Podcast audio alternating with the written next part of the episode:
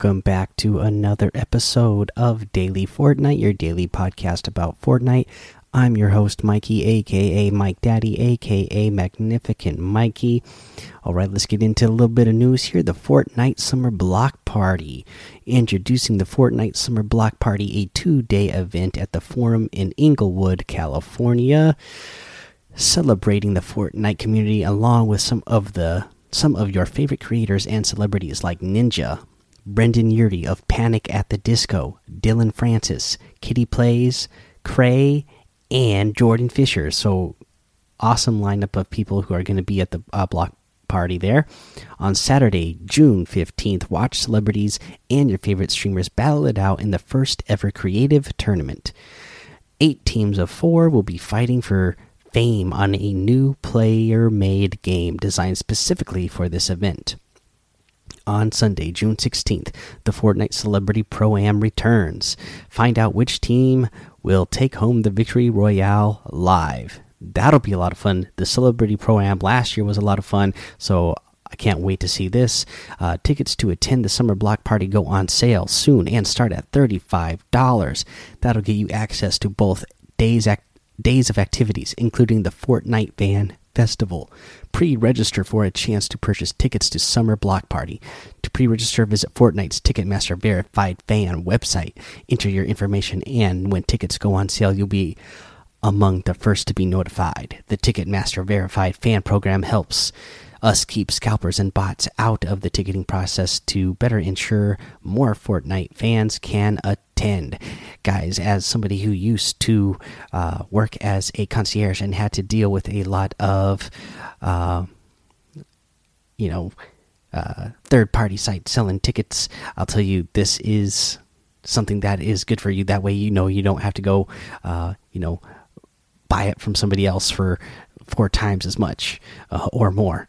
Uh, let's see here. Uh, meet more than 20 of your favorite Fortnite characters, including Peely, Fishstick, and Brite Bomber.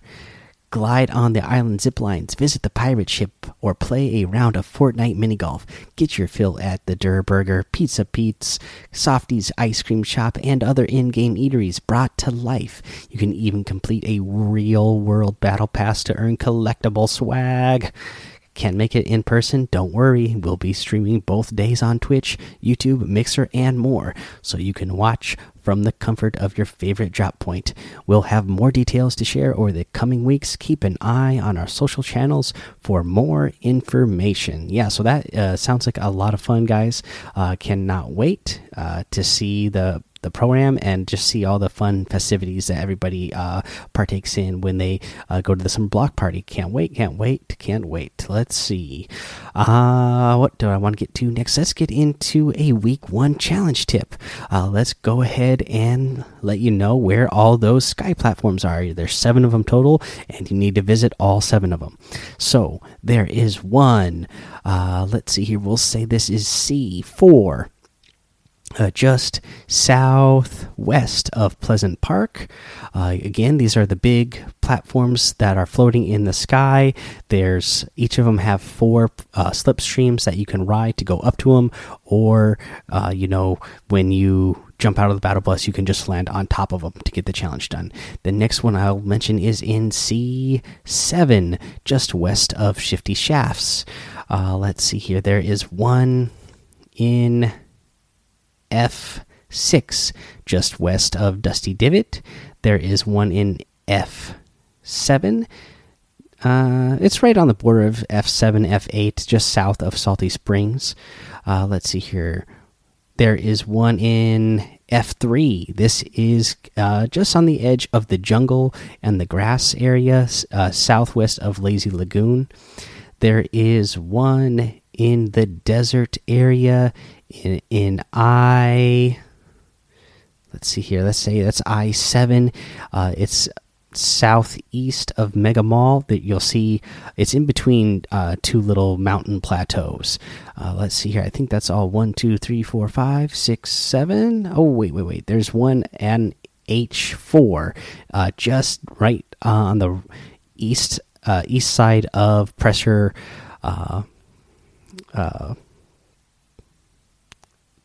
Uh, the pressure planet. Uh, place there. Uh, yeah, just on the right hand side of there. Let's see here, guys. Yeah, uh, that is your week one challenge tip. Uh, let's go over the item shop. Uh, in the item shop today, you still got that cryptic outfit. I'm uh, still a fan of that. I really like that spectral spine back bling that it comes with. Uh, the Enigma wrap is still in here. I like that Enigma wrap. We got the power chord returning to the item shop. I have always loved this power chord. Speaking of Kitty Plays, who's going to be at the block party, I've seen her cosplay the power chord here. Like she looked really uh, good when she did that. Like uh, she did a really good job of cosplaying that character. Uh, they have the Anarchy Anarchy Axe harvesting tool and the stage dive glider. Let's see here. Um, these uh, skins making a return to the game the Revolt outfit, uh, the Rebel outfit, and the Crossroads harvesting tool, all part of those Robo Rebels uh, set. They definitely, uh, you know, they they deleted Tilted. Uh, you know, we thought maybe this clue uh, about Pleasant would be something in this season. Maybe something will still come in the future. Tilted was definitely deleted, and we got the the Neo Tilted now. So that was something that happened uh, based off the clues in that little harvesting tool there. Uh, but yeah, that's cool that Revolt and Rebel have come back in the item shop. Uh, they are, you know, they did seem like they're from the future, and so they will fit right in with this season. In the daily items, we got the Airlift Glider, the Insight outfit, the Switch Step emote, the Intensity emote, the Studded Axe Harvesting tool, and the Tactics Officer outfit all in the item shop today, guys. If you're going to get any of these items, I'd really appreciate if you use that creator code Mike Daddy M M M I K E D A D D Y in the item shop. Uh, thank you for all of your support. We'll go ahead and take a little break here. When we come back, we will go over the Save the World patch notes. All right, everybody, let's save the world with the Save the World patch notes for version 9.00. What's new? War Games, introducing War Games. Take part in new and unique Storm Shield mission simulations to put your skills to the test. Tales of Beyond. Locke claims to have a have met a strange visitor unlike anyone or anything home base has ever seen. Join the hunt to find Locke's monster in Tales of Beyond. Go oh Garridan. Go constructor on the husks with Gar Garridan. Uh, some equipped with a brand new constructor ability, batteries not included. For missions and systems, we're introducing war games. Revisit your Storm Shield bases and test your defenses against some destructive and challenging simulations. Simulations will exist in all biomes and will be adding more as the season progresses. Their first four are Torn Apart. A tornado is wreaking havoc on your fort. This simulation causes destruction to your structures, flinging players and enemies into the air. Hotspots, volcanic ruptures plague this simulation as lava pools sprout from the ground, damaging structures and converting enemies into the fire element. Denied. During the course of this simulation, more and more anomaly rifts appear around the defense point. Standing too close to these hazards will sap your energy and your health safety zone. With the main storm shield down, you will have to rely on portable shield generators. Stay inside one of these protective bubbles or feel the effects of the storm. Enemies will prioritize destroying the shield generators first to keep them protected. Each simulation requires the players to defend their base for 7 minutes. A random amplifier is then selected to defend for another 7 minutes. Collect time cheats that appear around the environment to reduce the wave timer. War Games ramps up the challenge by requiring another player to revive you when your health is depleted. If everyone goes down, you will fail the war game. So if you're playing solo, you will only have one life to complete the simulation. If the simulations aren't challenging enough, apply one of the nine new challenge modifiers for some bonus rewards. These challenges include Rolling Fog. A heavy fog obstructs your sights and enemies won't appear on your minimap. Close Quarters. Enemy spawn locations appear much closer to your base. Husk Swarm. Husks only appear in the in this challenge, but they are at much higher power level no building zone, no building, no repairs, and no pickaxe. Heavy explosives. Husky ex Huskies explode when eliminated. Eliminate them before they get too close. Trapped out. All of your traps are disabled and none can be placed in this challenge. Full time. Time cheats don't appear in this simulation challenge. Surprise! The war game simulation is randomized and will swap to a different one in the second wave head games. damaged enemies must be finished off with a headshot. The war games difficulty and rewards are based on the account level of the lowest player in a party and is averaged with public players that assist in your mission. This is to ensure that there is always a challenge in any storm shield location. War Game steps up the challenge as more players join the mission by increasing the enemy count and enemy power level. They have a War Games event quest, which War Games are kicked off with a War Games Bootcamp quest. These quests will help players discover all the aspect of playing War Games while offering some nice rewards in the process. Learning can be fun. Each War Game Simulation type offers a one time completion quest, which rewards event tickets and a unique banner reward to show off your accomplishment. Every War Games challenge has a one time completion quest which rewards event tickets. Repeatable quests are available for completing both War Game Simulation and challenges.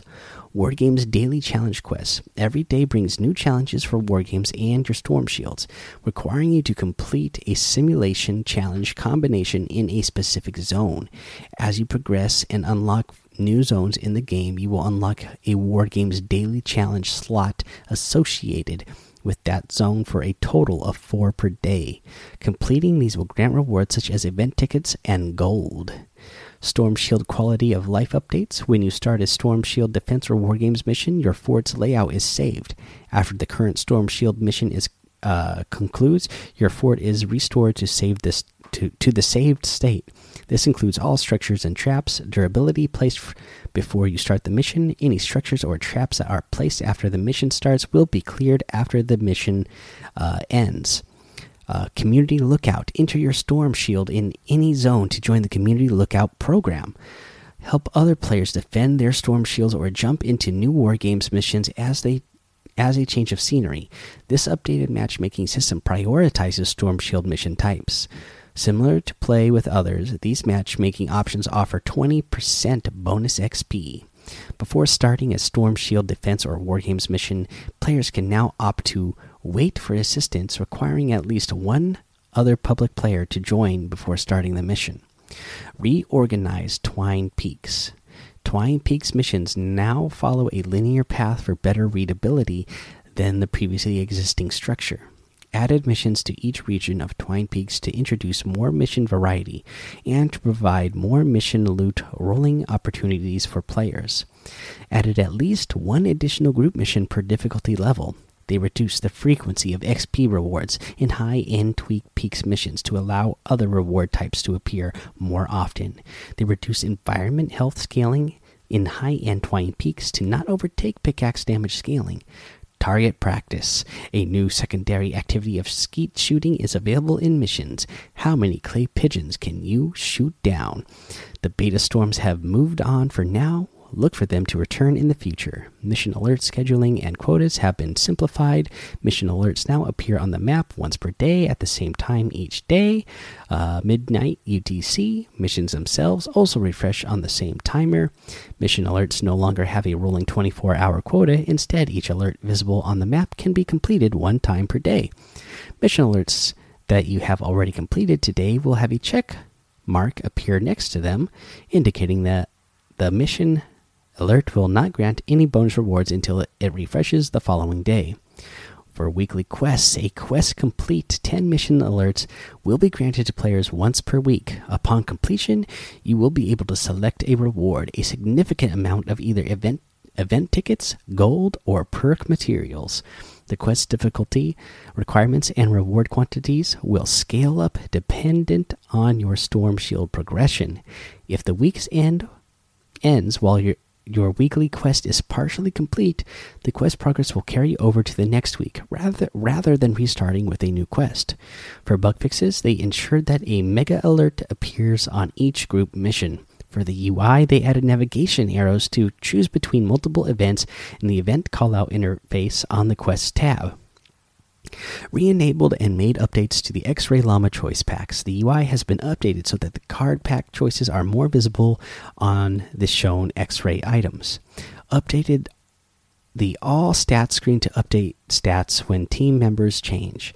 Updated all stats screen to highlight team improved stats in blue to match text of the party members screen. For bug fixes, uh, they fixed the issue that caused blurry schematic images to appear in the store. Fix being unable to hover on the interact with items when using a mouse on PS4. The yes no vote status on the last player who voted on an objective will now properly appear in the mission vote dialog. Players can no longer slot an upgraded item in the collection book if the original schematic is unable to be recycled. This would initially create an error message when attempting to overslot an item and pre prevents unique schematics like the bowler uh, from being destroyed. Items inspected from the collection book item picker can now be upgraded and favorited. The mini map will now correctly display important mission information after closing the big map. Menu text will no longer rapidly change sizes when the player hovers over the menu buttons.